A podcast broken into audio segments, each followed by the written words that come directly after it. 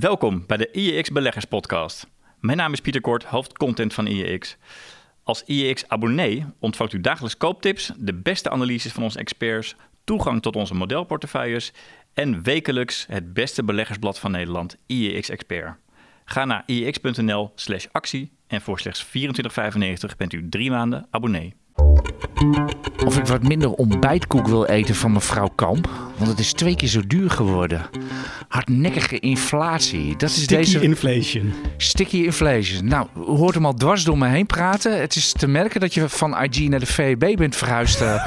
Robert, Robert Manders. Van harte welkom. Je werkt tegenwoordig voor de VEB. Je bent op vele verzoeken ben je te gast vandaag in, eh, in onze IX Beleggers podcast. Je schuift gezellig aan met, eh, uiteraard, je hoorde hem al even lachen. Niels Koerts is er ook weer. Uiteraard. Ik ben eh aandelenanalist. Jullie zijn allebei aan- aandelenanalist, dus we gaan het lekker over aandelen hebben vandaag. Mijn naam is Aartje Kamp. Ik ben marktcommentator voor IX.nl. En ja, sticky inflation, hardnekkige inflatie. Het thema van deze week, daar gaan we zo meteen wat meer over vertellen.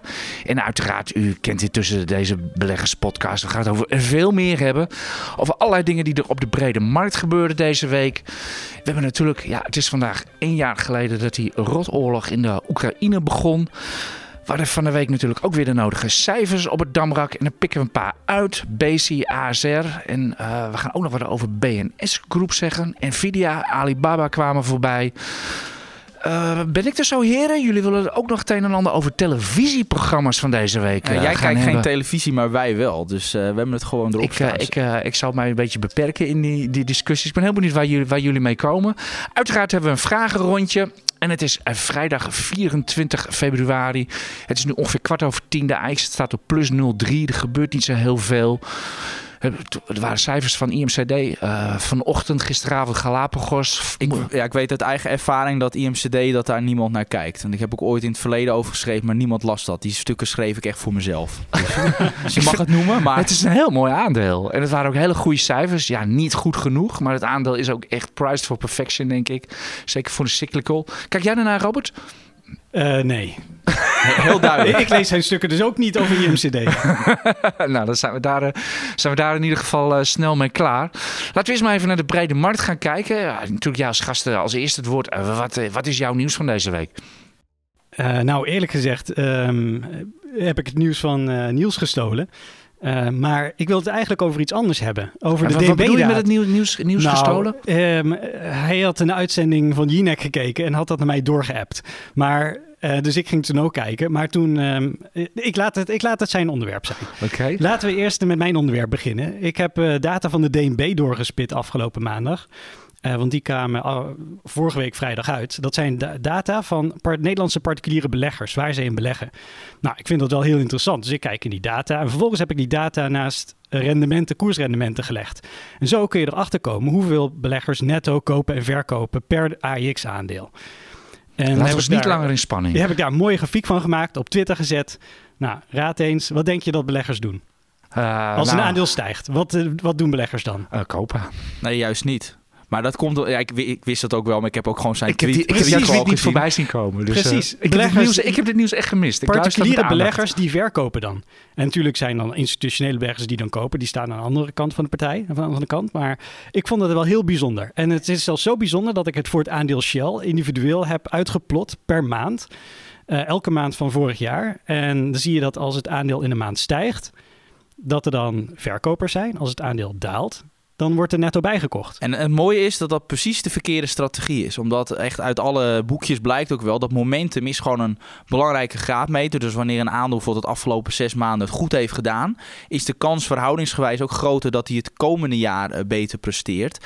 En eh, vaak bij is dan een groot aandeel, maar dat effect is vooral het grootst bij de kleine aandelen. Dus een klein aandeel dat in een downtrend zit, moet je absoluut niet bijkopen. Dan moet je echt wachten totdat er een klein beetje sprake is Ja, van maar een Shell eh, is geen klein aandeel. Nee, dat klopt wel. Maar dat is echt precies de strategie. Ja, ik denk ik staat ook haaks op eh, bijvoorbeeld de traders bijvoorbeeld. Maar Shell heeft het vorig jaar best wel goed gedaan. Maar ze Best hadden wel goed dus- gedaan. Nou ja, ja, nou ja, ja, eigenlijk heel erg goed. Dus aan het begin van het jaar hadden beleggers nog 5 miljard erin belegd. En ze hebben daarvan 1,7 miljard verkocht. Dus Ja, Oké, het aandeel steeg wel, dus aan het einde van het jaar was het meer. Maar ja, dat is niet goed. Bij Justy Takeaway precies het omgekeerde. Dat was het meest extreme voorbeeld. Daarvan werd heel veel bijgekocht. Dus het, het totale belegde bedrag aan Justy Takeaway is ongeveer gelijk gebleven. Terwijl het aandeel met hoeveel procent is gekelderd? Ja, het 60 zal was minstens het? 60% Meer- zijn ja. gegaan. Ja, Dus- zoiets. ja. Dus dan zie je dus dat, dat, ja, dat particuliere beleggers die fout maken door, door continu eh, de, de dip te kopen. En ik, ik geloof dat een bekend eh, spreekwoord van Paul to the Jones is: Only losers average losers. Oké, even snel wie John... eh, meneer, meneer ja, hoe heet je Paul to the Jones. Ja, beroemde hedge fund manager. Ik krijg zijn naam niet eens. eh, ja, die loopt, die loopt al even mee. Oké, en wat is jouw conclusie, Robert, eh, naar aanleiding van deze data? Nou, dat moeten ze niet doen. Eh, zoals Niels zegt, onder, wetenschappelijke onderzoeken die hebben aangetoond dat dat geen goede beleggingsstrategie is op lange termijn.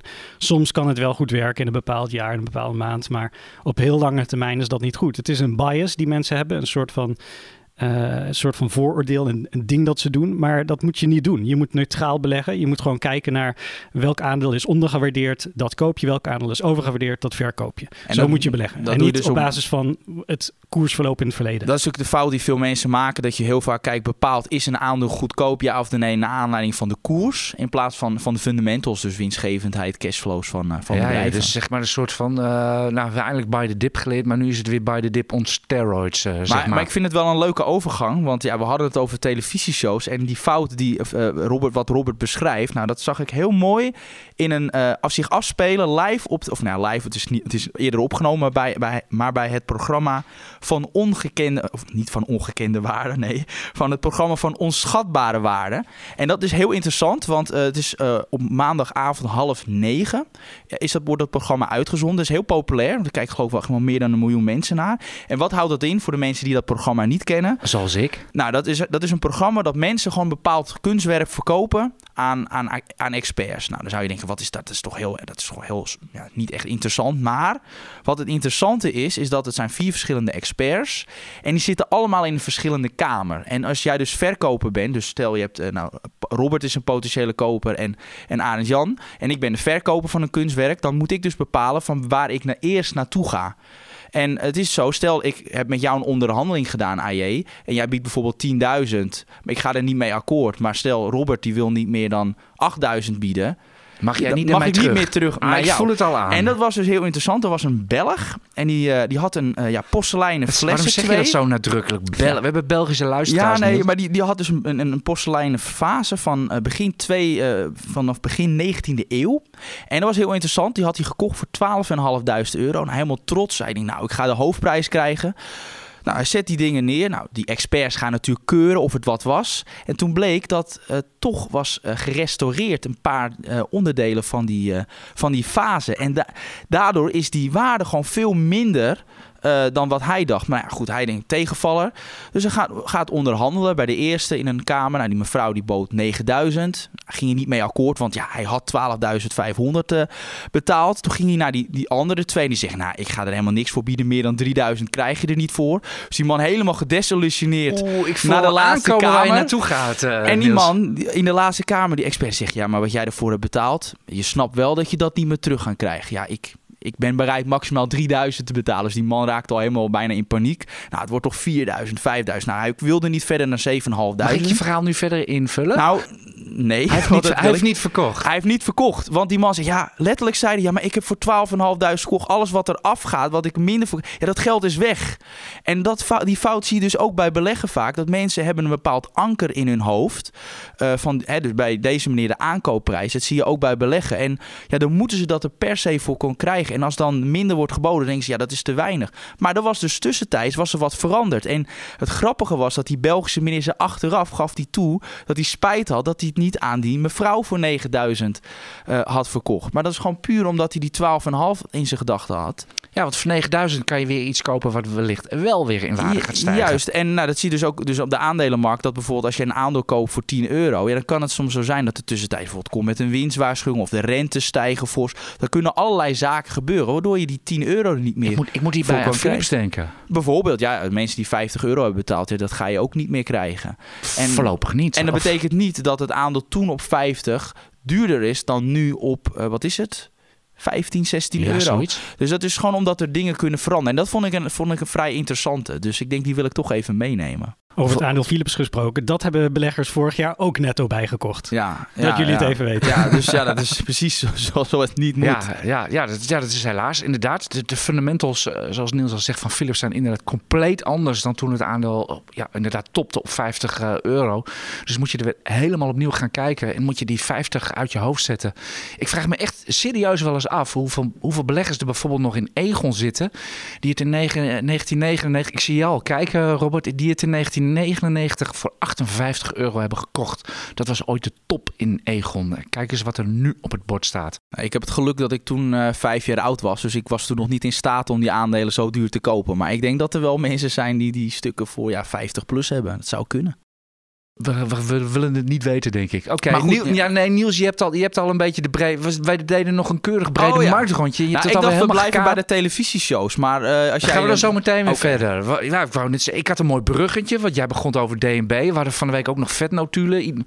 Hé, we kunnen geen podcast maken zonder dat we de vet noemen op de een of andere manier. Eh, Ik, eh, ik heb ze afgevinkt. Ik vond er niks bijzonders in staan. De netwerk schreeuwde weer van alles. Maar voor mij was het, was het meer van hetzelfde. De inflatie blijft en we blijven rente verhogen. Eronder. Dat was het voor mij. Voor jou, Robert? Ja, voor mij hetzelfde. Ik vond het eh, heel consistent met het verhaal van Jerome Powell, dat hij altijd zo heel mooi en duidelijk uitlegt.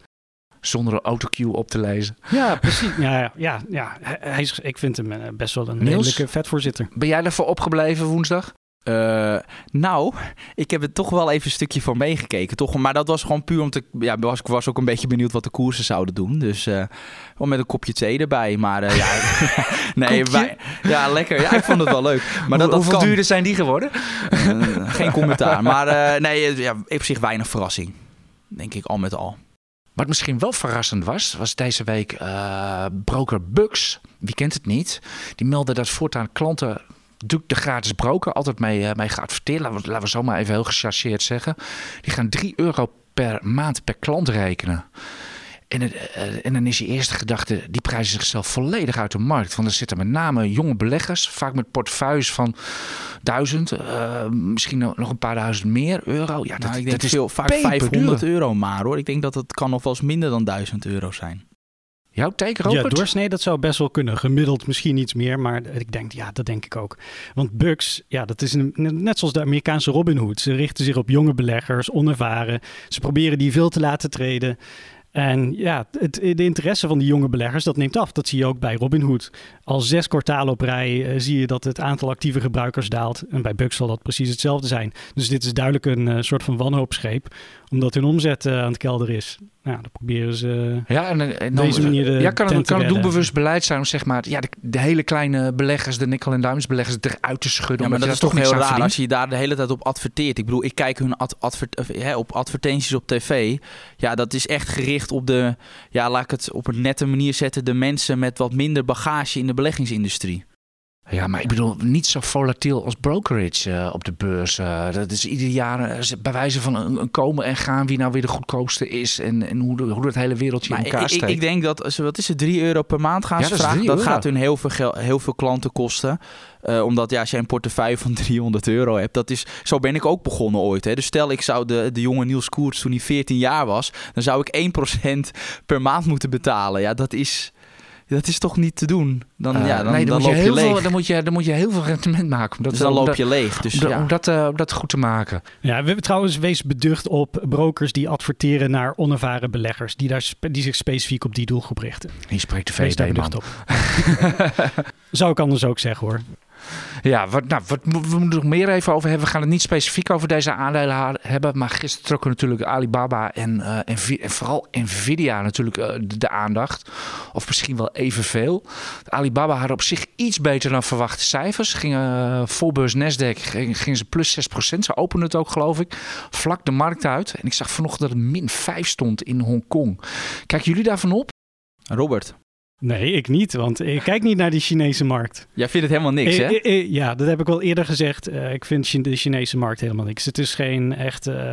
ja, de governance is verschrikkelijk. Het is niet echt een kapitalistisch land. Je kan zo onteigend worden. Het is een soort van Wilde Westen.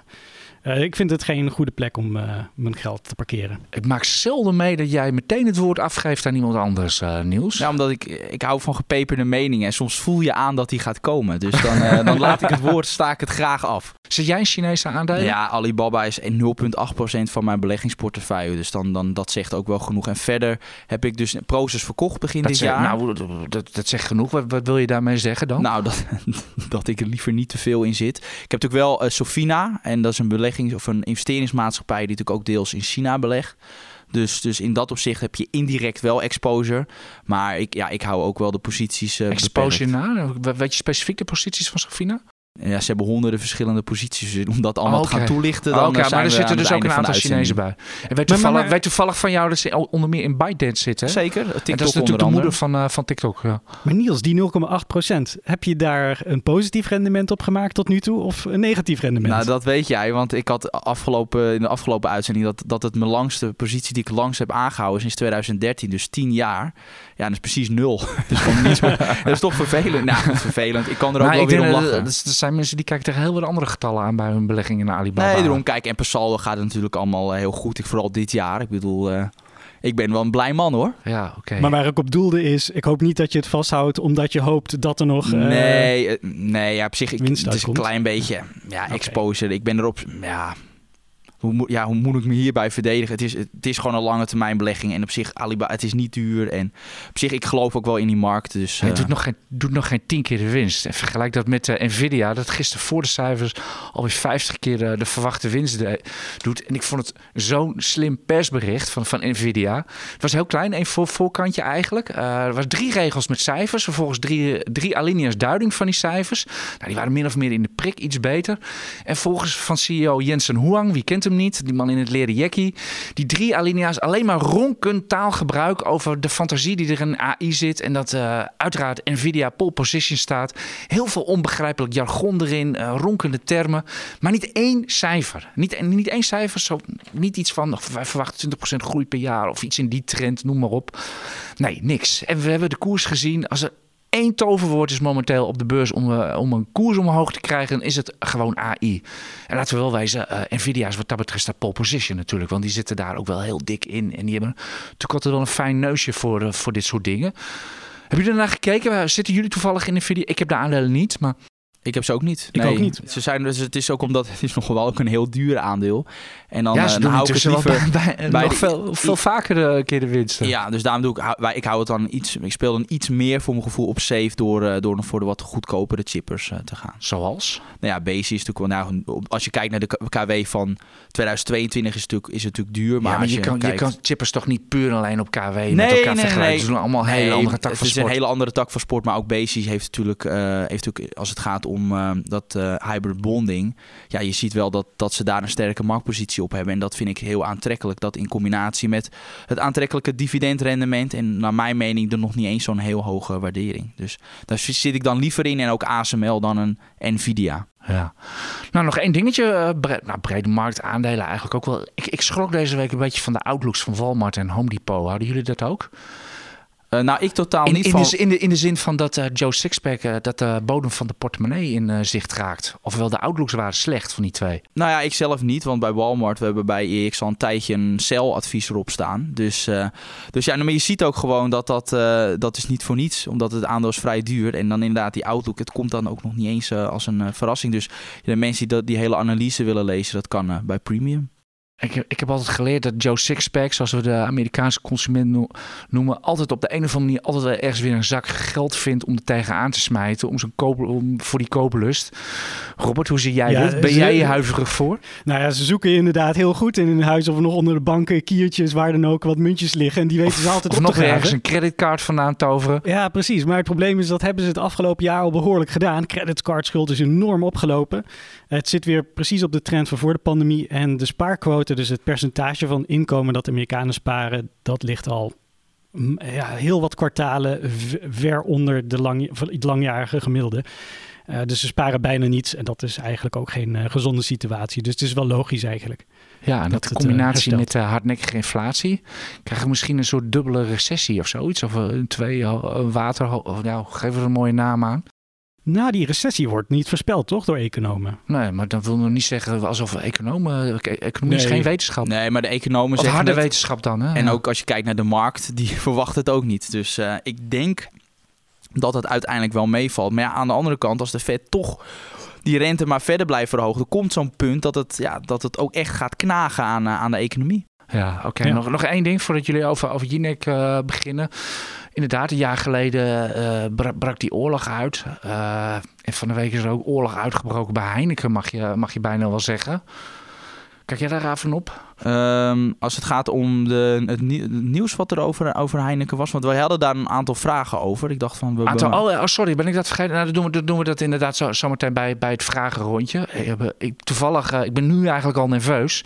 Ik zit vanmiddag in Bulls Bears van, eh, van RTL Z. En er staan onder meer wapenaandelen op de agenda. En ik zie jou ook wel een beetje kijken, Robert. Het is echt zo'n onderwerp waar je, waar je alleen maar je vingers aan kan branden. nou, eh, Dat, eh, Robert niet hoor. Want hij is juist heel enthousiast over defensieaandelen. Jazeker, daar heb ik eh, ook in het eh, verleden wat over geschreven. Ik ben er wel enthousiast over. Ik heb ook een paar wapenaandelen in mijn portefeuille. BAE Systems en Leonardo. Bijvoorbeeld Rheinmetall heb ik ook gehad, de Duitser. Eh, de Rheinmetall die lijkt het nu ook heel goed te doen omdat ze misschien tanks gaan leveren. En ze zijn ook best groot in mijn eh, munitiefabrikage. Eh, dus eh, ja, dat gaat heel erg eh, goed je hebt er beurs. verder, want er komt natuurlijk altijd de gewetensvraag bij kijken. Jij, hoe, hoe sta jij daarin? Ja, moreel gezien vind ik, ik heb er geen problemen mee. Het, ze leveren vooral aan NAVO-landen en NAVO-bondgenoten ook. Dus ik vind dat alleen maar goed. Ehm, wij, hebben, wij betalen toch ook belasting aan de Nederlandse defensie. En, Ja, je hoeft- je hoeft zo- tegenover mij niet te verantwoorden, zo hoor. Ik zie vraag je- alleen maar uit Zo zie ik dat. ja. Het is een, eh, een democratisch land moet zich kunnen verdedigen tegen totalitaire regimes. Dus die wapenfabrikanten doen wat mij betreft fantastisch werk. Ja, en ik, kijk, ik, ik sluit me daar in principe gewoon op aan. Alleen ik maak dan zelf de keuze om daar uit principe niet in te beleggen. Alleen, ja, ik verafschuw het bijvoorbeeld niet wat Robert doet. Dus ik, ik Nee, snap ik dat daar ik- een hele goede beleggingscasus eh, voor te maken is. En zijn verhaal slaat ook hout. Alleen, ja, ik maak dan een andere keuze. Ja, kijk, kijk anders even in mijn eh Volbus eh, fabrie- eh, rubriek van vanochtend op IEX. Daar heb ik een staartje staan van, van twee wapenindices. En ja, die, die hebben het afgelopen jaar gewoon het allerbeste gedaan. Het zijn inderdaad... als aandelen, zeker als lange termijn beleggers, zijn, is, is, het no-brainers eigenlijk. Maar ja, je moet het, je moet het willen. Ik, heb, ik redeneer zelf zo. Ik beleg voornamelijk in de wereldindex. Dat heeft ongeveer 2, 2,5. Het zal wel wat zijn opgelopen. Weging, wapenaandelen. En volgens mij is dat ook het NAVO-percentage. Dat geldt voor defensiebudgetten. Dus in die zin kan ik er wel, eh, kan ik er wel eh, mee leven. Jullie wilden wat over Jinex zeggen. Als we dan toch over televisie hebben. Ja, wel, ik weet- het is, het ik is wel weet- een Ik weet dat jij er dit. een heel, echt een hekel aan hebt dat we tv bespreken. Maar ja, als het echt met de beurs te maken heeft, dan vind ik wel dat we dat moeten behandelen. En eh, ja, maandagavond, Jinek, ja, dat was toch wel... Ja, ik, ik, ik zag het echt als een, als een hetze tegen het bedrijfsleven, vooral het grote bedrijfsleven. Er zaten allemaal journalisten van de Volkskrant tot de, de Telegraaf. En de strekking van het verhaal was echt van... Nou, de recordwinst natuurlijk van Ahold, Unilever, Shell werden besproken. Maar de strekking was van... Ja, ehm, bedrijven focussen zich te veel op de aandeelhouders en niet op de samenleving. Nou, iets waar ik natuurlijk totaal niet achter sta. Want nou ja, als jij op de aandeelhouders focust, dan je moet wel je ook focussen op de consument. Hè, want als je dat niet doet, ja, stel dat Heineken kan een extreem hoge prijs in rekening eh, brengen. Maar ja, dan gaan we bijvoorbeeld bij Gros een biertje, een biertje bestellen. Dus je moet wel focussen naar, eh, op, op sowieso op eh, de consument.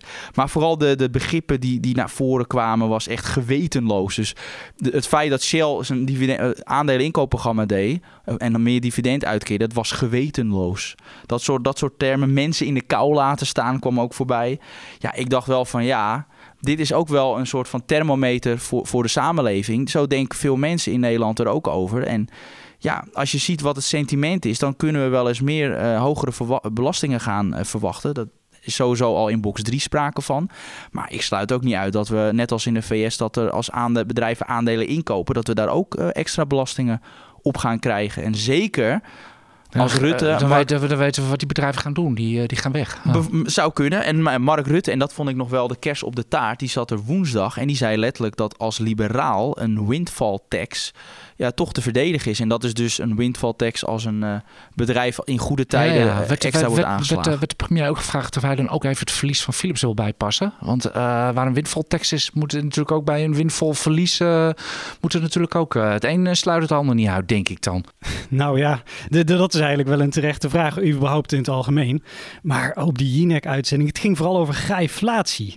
Graaiflatie? ja, het idee dat bedrijven de prijzen verhogen en dat zij de oorzaak zijn van de prijsstijgingen. Dat, waren- dat was toch de ECB? Daar waren we toch over de afgelopen vijf jaar allemaal, Ja. over, allemaal over eens. Ja, en, ik, Ja. en iedereen op de financiële markten en alle economen weten dat. Maar ja, de mensen op de straat niet. En de journalisten aan tafel bij Jinek wisten dat blijkbaar ook niet. Ehm, maar het grappige is dat maar 4, volgens het CBS, maar 4% van de bedrijven de, prijzen, de prijsstijgingen weten te compenseren met prijsverhogingen. Oftewel, eh, 4%.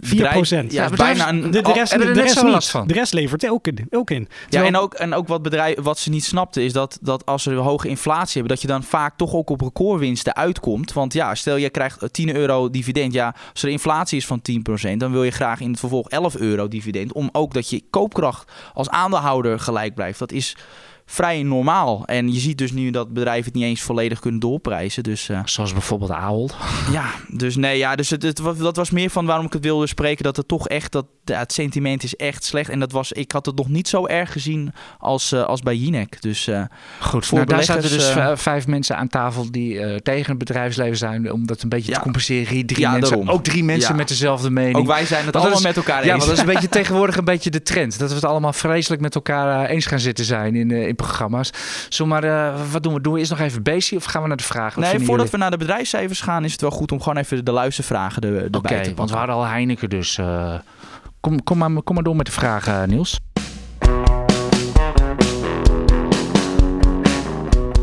We trappen af met een vraag van Anders, heet hij, ja. Hij zegt, ik bezelf, beleg zelf al twee jaar, maar hij wil ook iets voor zijn dochter van twee jaar doen. Eh, maar hij zegt, ja, op een spaarrekening krijg je dus niets. Maar hij zit na te denken om maandelijks te beleggen voor zijn dochter. Maar hij zegt, ja, wat raden jullie aan? Ik beleg vrij agressief. Maar ja, voor mijn dochter wil ik ook wel wat defensief doen. En dan ja, is zijn vraag eigenlijk van, is het dan handig om eh, een extra account voor zijn dochter aan te maken die op haar naam staat, of toch onder zijn eigen naam eh, te doen? Ja, mijn eerste reactie was van ja, in principe is hij nog steeds degene die voor haar belegt. Ja, dus, tot de achttiende. Ja. En dan maakt het niet uit op welke naam het staat. Dus ja, ik zou zeggen voor je kind begin gewoon met, met trekkers. Ik denk, hoe, hoe kijk jij daarnaar, eh, Robert? Jazeker, trekkers of mixfondsen. Eh, Het hoeft niet, het hoeven niet per se aandelen te zijn. Eh, Het kan ook een mix zijn van aandelen en obligaties. Als je, ja, als je risicoavers bent Ja, of nee, dus beleggen. ja. ik zou zeker niet te agressief beginnen. Nee, nee, of doe gewoon, twee. doe gewoon, ja, doe, ik vind dat, zelf vind ik dat beleggen gewoon begin met maandelijks in de, in de wereldindex trekken beleggen. En eh, begin daar eens gewoon mee en kijk dan verder. Zolang je daar maar in zit, zit je goed. Oké. Dus dat is, eh, doe dat voor je dochter. En ze kan op de, op de 40ste kan ze zelf beslissen of ze nog ver- verder wil werken of met pensioen wil of gaat rentenieren. Dat komt wel goed. We gaan door met de vraag van Hans. En die zegt een vraag aan Niels. Ja. Ehm, twee maanden geleden stond een van jouw favoriete aandelen Basic op 23 euro. Eh, kom je dan niet in de verleiding om eh, bijvoorbeeld een deel van je winst die je hebt gemaakt op Deutsche Telekom te herinvesteren in Basic Fit op dat moment? Met het oog op een goed verspreide portefeuille. Nou, Volgens mij zijn we daarmee begonnen deze uitzending, of niet? het is, het is natuurlijk vrij aantrekkelijk. Alleen eh, zelfs toen die koers zo laag stond van Basic Fit, was Basic Fit nog steeds een van mijn grotere posities. En omdat het toch wat boven gemiddeld risico is, ja, vind ik dat dan juist niet handig om bij te kopen. Achteraf was het natuurlijk een hele mooie koers geweest. Maar dan nog steeds ja, profiteer ik nog steeds mee van, eh, van de koersstijging. Dus eh, nee, die eh, verleiding heb ik niet gehad. En dan tot slot, ja, ik denk een vraag voor ja, AJ en ook Robert van Sam. Eh, vorige week, en dan eh, nu gericht op AJ. ik vorige week Heineken te wachten. Jazeker, Ja. beschreef je Heineken als een aandeel zonder ja. akkefietjes. Deze week blijkt Heineken tegen het eigen beleid in juist meer te investeren in Rusland. De gouden en rode rakkers blijken elkaar goed te liggen. Is dit Kremlins bier het eerste akkefietje of waait dit over en blijft Heineken brandschoon? Eh, ik, eh, het, is, het is inderdaad wel heel frappant. Vorige week keken wij in eh, deze podcast terug eh, op eh, 40 jaar AX. Die bestaat volgende week 40 jaar. En inderdaad, van, de, van de aandelen die er toen in zaten, is Heineken er een van die al die jaren erin heeft gezeten. En inderdaad, het is nooit echt een grote affaire geweest. Zoals bijvoorbeeld bij Ahold en ook Uni- Unilever en Shell hebben en Philips hebben ook wel hun dingen gehad. Inderdaad, deze week eh, had Heineken heel mooi nieuws. Ze gaan eh, Max Verstappen eh, gaan sponsoren. Ik heb trouwens niemand Max Verstappen zien aanspreken op het nieuws van deze week. Dit even terzijde. Eh Bill Gates is, zit eh, in Heineken Holding. Heineken Holding is het controlerende belang van de familie. Die zitten daar voor 52% in. En die controleren daarmee de stemrechten van Heineken. Dus de familie is gewoon nog de baas bij Heineken. Bill Gates zit daar nu ook voor 3,78% in. Dat belang was er van FEMSA gekocht. Maar het ging natuurlijk om dat follow the money verhaal. Hè. Heineken geprofiteerd van de oorlog. Ze hebben beloofd dat ze uit Rusland weggingen en dat doen ze niet. Uh, dat is het verhaal van Follow the Money. Heineken zegt, uh, wij zijn wel weg uit Rusland. In die zin, wij hebben alle financiële banden verbroken met, ja, laten we maar even Heineken Rusland noemen. Maar wij laten Heineken Rusland niet in de steek. Want als die geen merken meer in de markt mogen zetten, gaan ze failliet. En dat geldt als strafbaar feit in uh, Rusland. En dan gaan die mensen gewoon de gevangenis nou, in. Niet zozeer een faillissement zelf, maar inderdaad een opzettelijk, opzettelijk failliet. Hoe, hoe kijk jij daarnaar, Robert? Uh, het is een heel genuanceerd verhaal eigenlijk als je het vanuit de kant van Heineken bekijkt. En dat is het probleem. Dat komt niet goed over op tv. En dat zag je ook. Uh, eerst Follow the Money, oké, dat is een niche medium. FD ook, zijn ook maar 60.000 lezers of zo. Maar toen werd het in de avondshow behandeld van Aaron Lubach. Nou, heb je een miljoen kijkers, dan weet heel Nederland het. En het werd op zo'n manier behandeld dat het niet positief was voor Heineken. En de, reactie van Heineken, ja, er zitten heel veel nuances in. Um, ik begrijp het ook wel dat als... Uh, als ze de zaak laten ontploffen of zo, dat het dan genationaliseerd wordt. Of, of dat de werknemers dan hun baan verliezen. Ja, is zo strafrechtelijk dus, vervolgd worden. Ja. Dat zou ook, ja, precies. Dus de, dat is dan ook weer een, een ding. Dus dat begrijp ik ook wel. Maar vanuit Heineken, ja, hun reactie is tot nu toe heel erg defensief geweest. En dat lijkt me niet een hele slimme reactie. Want ja, die, die nuance die gaat sowieso verloren van hun verdediging. Wat ze moeten doen is uh, iets, iets nieuws, iets slims, iets offensiefs. Dus bijvoorbeeld, weet ik veel, Heineken Silver omdopen tot Heineken Leopard. En de opbrengst of zo van, uh, van, van dat bier uh, in Nederland... Um, schenken aan het Nederlandse ministerie van Defensie om munitie aan te kopen voor Oekraïne of zoiets. Ik noem maar wat. Dat is veel slimmer. Ja. Je kan dus een veel slimmere ja. mediastrategie doen wat jou betreft. Ja. ja, maar sowieso heeft Heineken dit natuurlijk totaal niet handig gecommuniceerd. Ook op het moment dat ze door hadden dat Follow the Money uh, hiermee bezig was. Ja, hadden ze, ja, proactiever heet dat tegenwoordig geloof ik. Ze hadden, hadden hier veel beter op moeten reageren. Veel duidelijker moeten maken van... wij zijn daar weg, maar wij zorgen nog wel voor onze mensen. Wij laten ze niet in de steek. Zo, zoiets. Want dat is natuurlijk het verhaal van, van Heineken. Ik zei natuurlijk niet voor niets. Het is een familiebedrijf. Ze zorgen heel goed voor hun personeel. En ja, dat, dat is het verhaal. Maar dat komt inderdaad totaal niet uit de verf in, in, het, in uh, ja, de headsets Precies. Uh, op social en zo zijn media. er meer nuances. Bijvoorbeeld dat Black Sheep, dat gebrouwen werd... of nee, uh, Guinness die wegtrok, die had geen eigen brouwerijen daar. Uh, de Guinness werd gebrouwen door Heineken. Nou, dus dan verliest Heineken volume als Guinness weggaat. Want Guinness kan heel makkelijk vertrekken. Ze hoeven niets achter te laten. Maar Heineken zit dan met de brokken. Dus zij hebben vervolgens dat merk dan weer opgezet. Oké, ik praat het niet goed. Maar het klinkt al wat genuanceerder dan op de manier waarop Arjan Lubach het verwoorden. Ja, precies. Het is niet dat we Heineken hier verdedigen, maar in ieder geval, het, het, het is gewoon wat jij zegt. Het is, het is een genuanceerd verhaal en verder moet iedereen uh, daar maar zijn mening over hebben. En uh, u kunt de aandelen kopen of verkopen. Heb je nog meer vragen, Niels? Nee, ik dacht van we houden het even kort omdat het zo'n druk programma is. Ja, Basic dus. We gaan meteen door. We gaan zo verder met de IX Beleggers podcast, maar eerst graag uw aandacht voor de voordelen van een IX abonnement. Mijn naam is Patrick Bijsbergen. Als IX-abonnee ontvangt u dagelijks kooptips, de beste analyses van onze experts, toegang tot onze modelportefeuilles en het wekelijkse magazine IX Expert, het beste beleggersblad van Nederland. Ga naar ix.nl slash actie en voor slechts 24,95 bent u drie maanden abonnee. Nou, het komt niet vaak voor. Ik bij Basic, die cijfers kwamen uit en dan kijk ik vaak even op het forum bij IEX. Dat uh, de mensen op het forum heel negatief reageren en dat de koers plus 8% opent. En dat komt niet vaak voor. En dat, dat komt inderdaad omdat waarschijnlijk beleggers iets in eerste instantie te veel de focus hadden op de vierde kwartaalcijfers. Nou, dat was algemeen bekend dat de omzet onder druk zou staan. Hè, Bezi is nou eenmaal een cyclisch bedrijf. Alleen Hypercyclisch. En, yes. En, maar het belangrijkste in die cijfers, dat was de order intake. Uh, en die was echt veel beter dan verwacht. En uh, die was ook fors gestegen. En dat geeft een indicatie. Niet zozeer wat de omzet over één kwartaal gaat doen. Maar wel wat het in de tweede jaarhelft uh, gaat doen. En ja, dat, dat, is dan, dat wijst wel op, op verbetering. Dus, dus dat is, snap ik wel dat beleggers daar, de markt daar heel positief op, op reageert.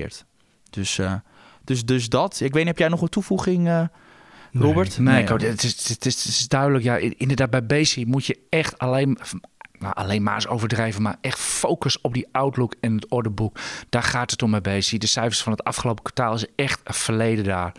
En, en laat het maar aan uh, Richard Blikman en zijn mensen over om echt feilloos die, die, die cyclische trends te bespelen. Dat doen ze al 30 jaar en laat dat alsjeblieft aan hen over. Ja, ik hoorde geloof ik ook dat, ik hoorde dat ergens dat, dat Blikman ook echt letterlijk tijdens de eh, tijdens de, de conferentie had gezegd van ja, it's the cycle, stupid.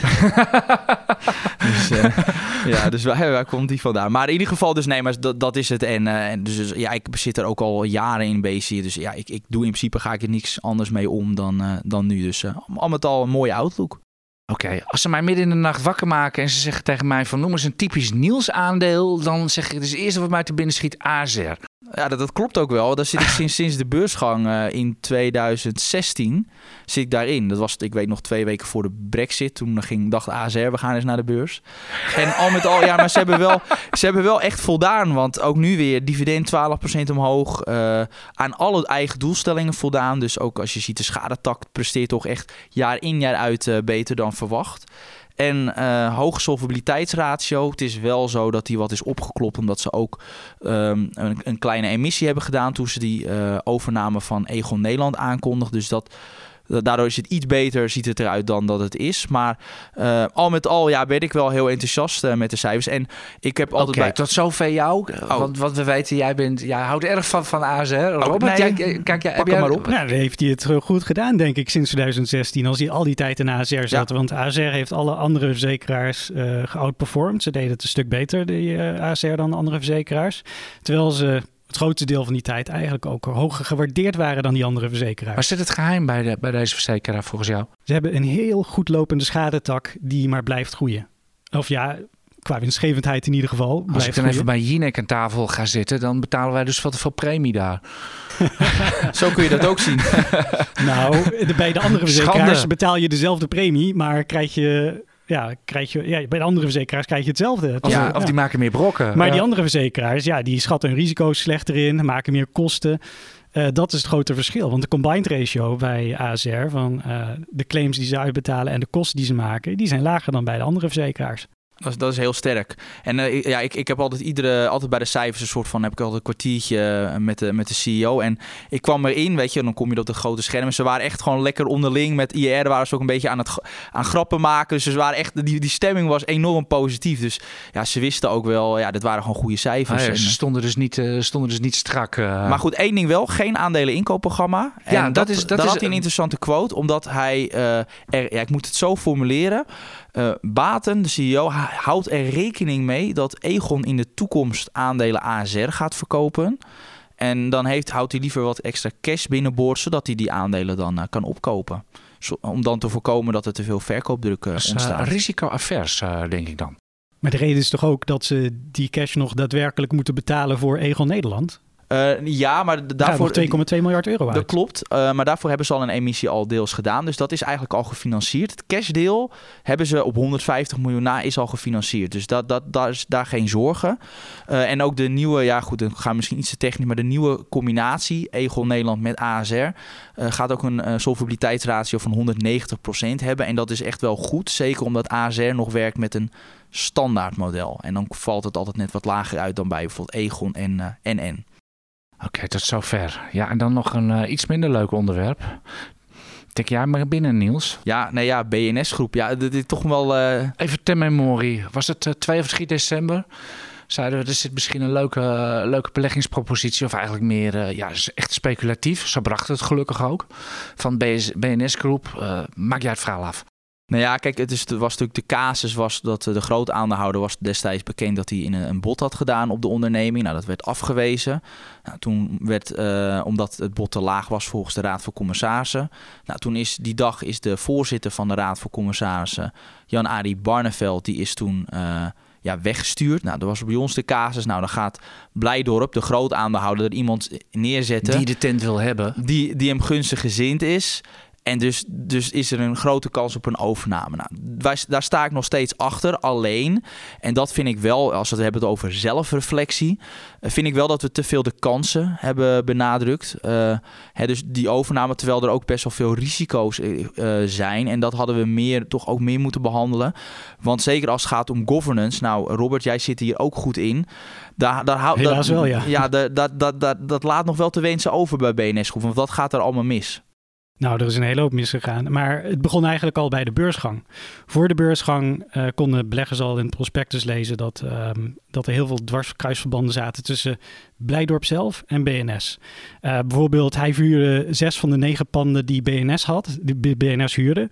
Die werd verhuurd door uh, Blijdorp en zijn compagnon Mulman.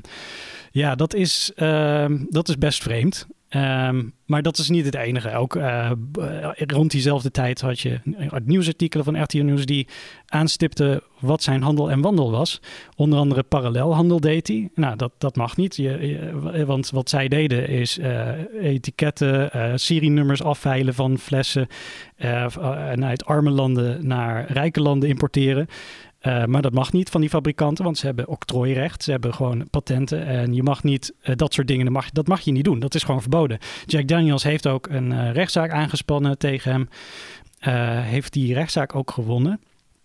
En, ehm, maar toen de deurwaarder kwam om beslag te leggen op een voorraad, toen kregen ze, kreeg de deurwaarder een bedreiging van Blijdorp over zich heen. Echt een daadwerkelijke fysieke bedreiging. En dit was al bekend voor de beursgang. Dus dan moet je je echt afvragen als belegger... met wat voor een soort man stap ik in een boot? Want die man die heeft... Uh, en, en zijn andere aandeelhouder hebben samen wat was het, uh, drie kwart of zo. Ja, nou, in ieder geval een overgrote meerderheid van de overgrote meerderheid van de aandelen in handen. En de governance structuur was ook een beetje matig. Nou, een beetje, een beetje heel erg matig. Uh, want ze zaten in Luxemburg. En daar zijn de regels toch wat soepeler voor als je een grote aandeelhouder bent. Daar zitten trouwens opvallend veel bedrijven met één hele grote aandeelhouder in Luxemburg. Rara waarom. Daar zijn de regels gunstig als je je minderheidsaandeelhouders aan de kant wil drukken. Dus dat is voor jou een red flag. Als er een bedrijf is op de beurs met een groot aandeelhouder en die is gevestigd in Luxemburg, is dat voor jou bijna per definitie reden om het niet te kopen? Niet op zichzelf. Het is wel een punt van zorg een uh, punt om oplettend te zijn. En als je die, die oplettendheid ook, uh, had gebruikt bij Blijdorp en zijn handen of ander wat voor een ja, betrouwbare zakenman hij is. Of niet betrouwbaar, maar... Precies. Uh, ja, dan, uh, is, en, en, okay, maar even, even, terug naar onze, even terug naar onze casus. Hè. Wij, wij, zeiden van hij wil dat bedrijf gewoon hebben. Hij heeft er dus belang bij om die, die koers gewoon zo laag mogelijk te krijgen. want in de regel, je biedt de laagste, laatste koers plus 20 procent. Ja, we hadden er niet op gerekend dat hij zelf ook zou gaan vertrekken, Niels. Nee, nee hij is nu zelf weg. Ja, en ook ik snap wel waarom. Dat sluit niet uit dat hij natuurlijk nog alsnog gaat bieden. Hè? Nee, dat, dat, uh, maar dat kan nog weer lager. Maar dus wel weer lager. Ja, en een probleempunt is natuurlijk dat hij dus ook een hypothecaire lening verstrekt aan de CEO. Nou, dan weten we nu ook, hè, dat, die man, dan, dat maakt ook die CEO kwetsbaar. Want Blijdorp wil dat de tent verkocht wordt. Nou, de CEO heeft daar een lening uh, bij hem staan. Ja, dan ben je toch eerder geneigd om daarin mee te gaan. Ten koste mogelijk van, van de aandeelhouders.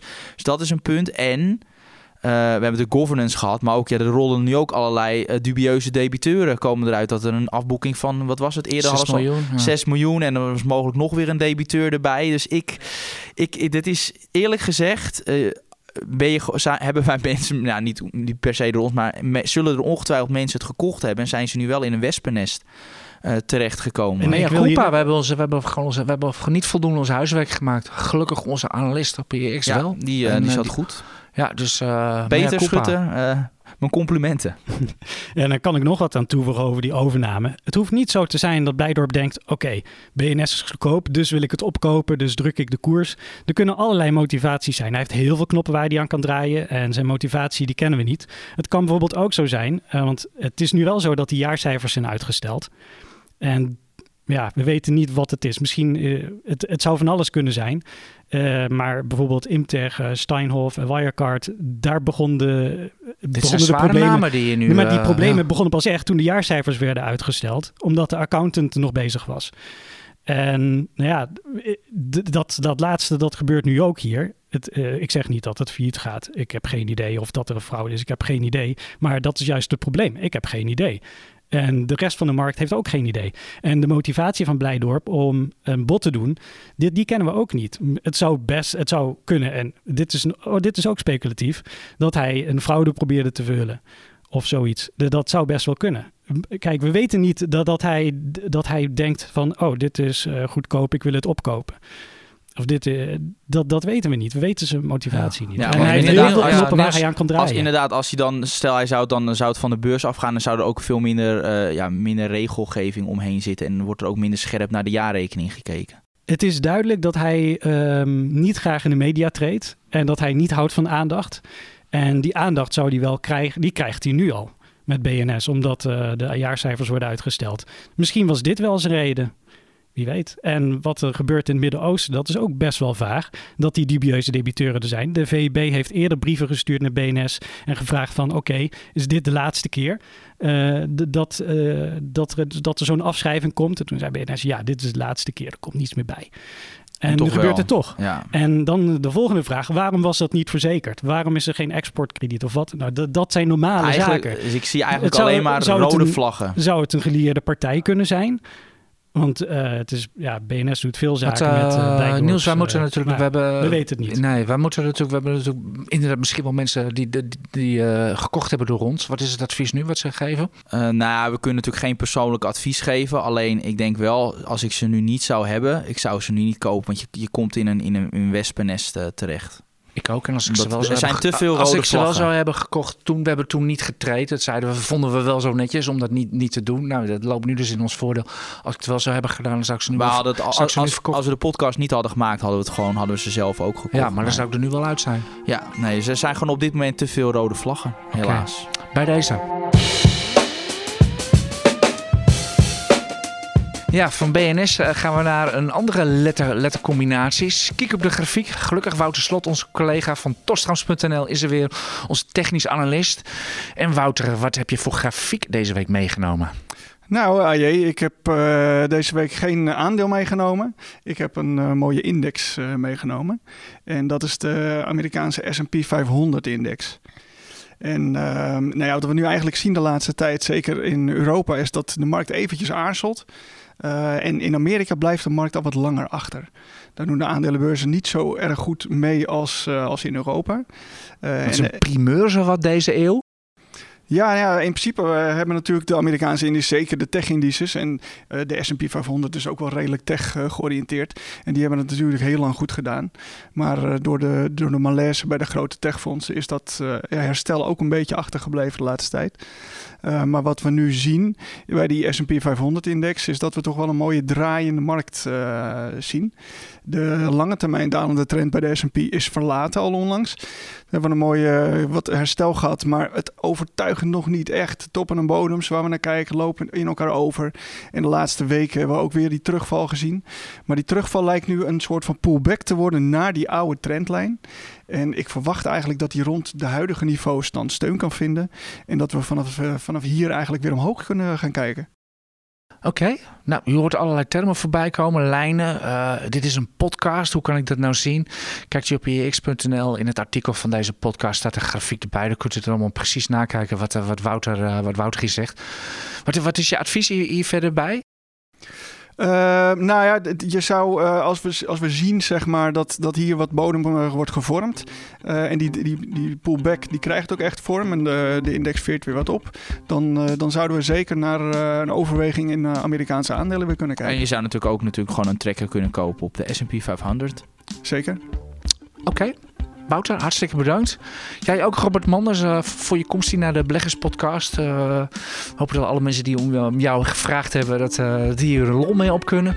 Niels, jij ook weer hartstikke bedankt. Ja, helaas van, van BNS Group. Ik, ik, ben echt een beetje beduust van.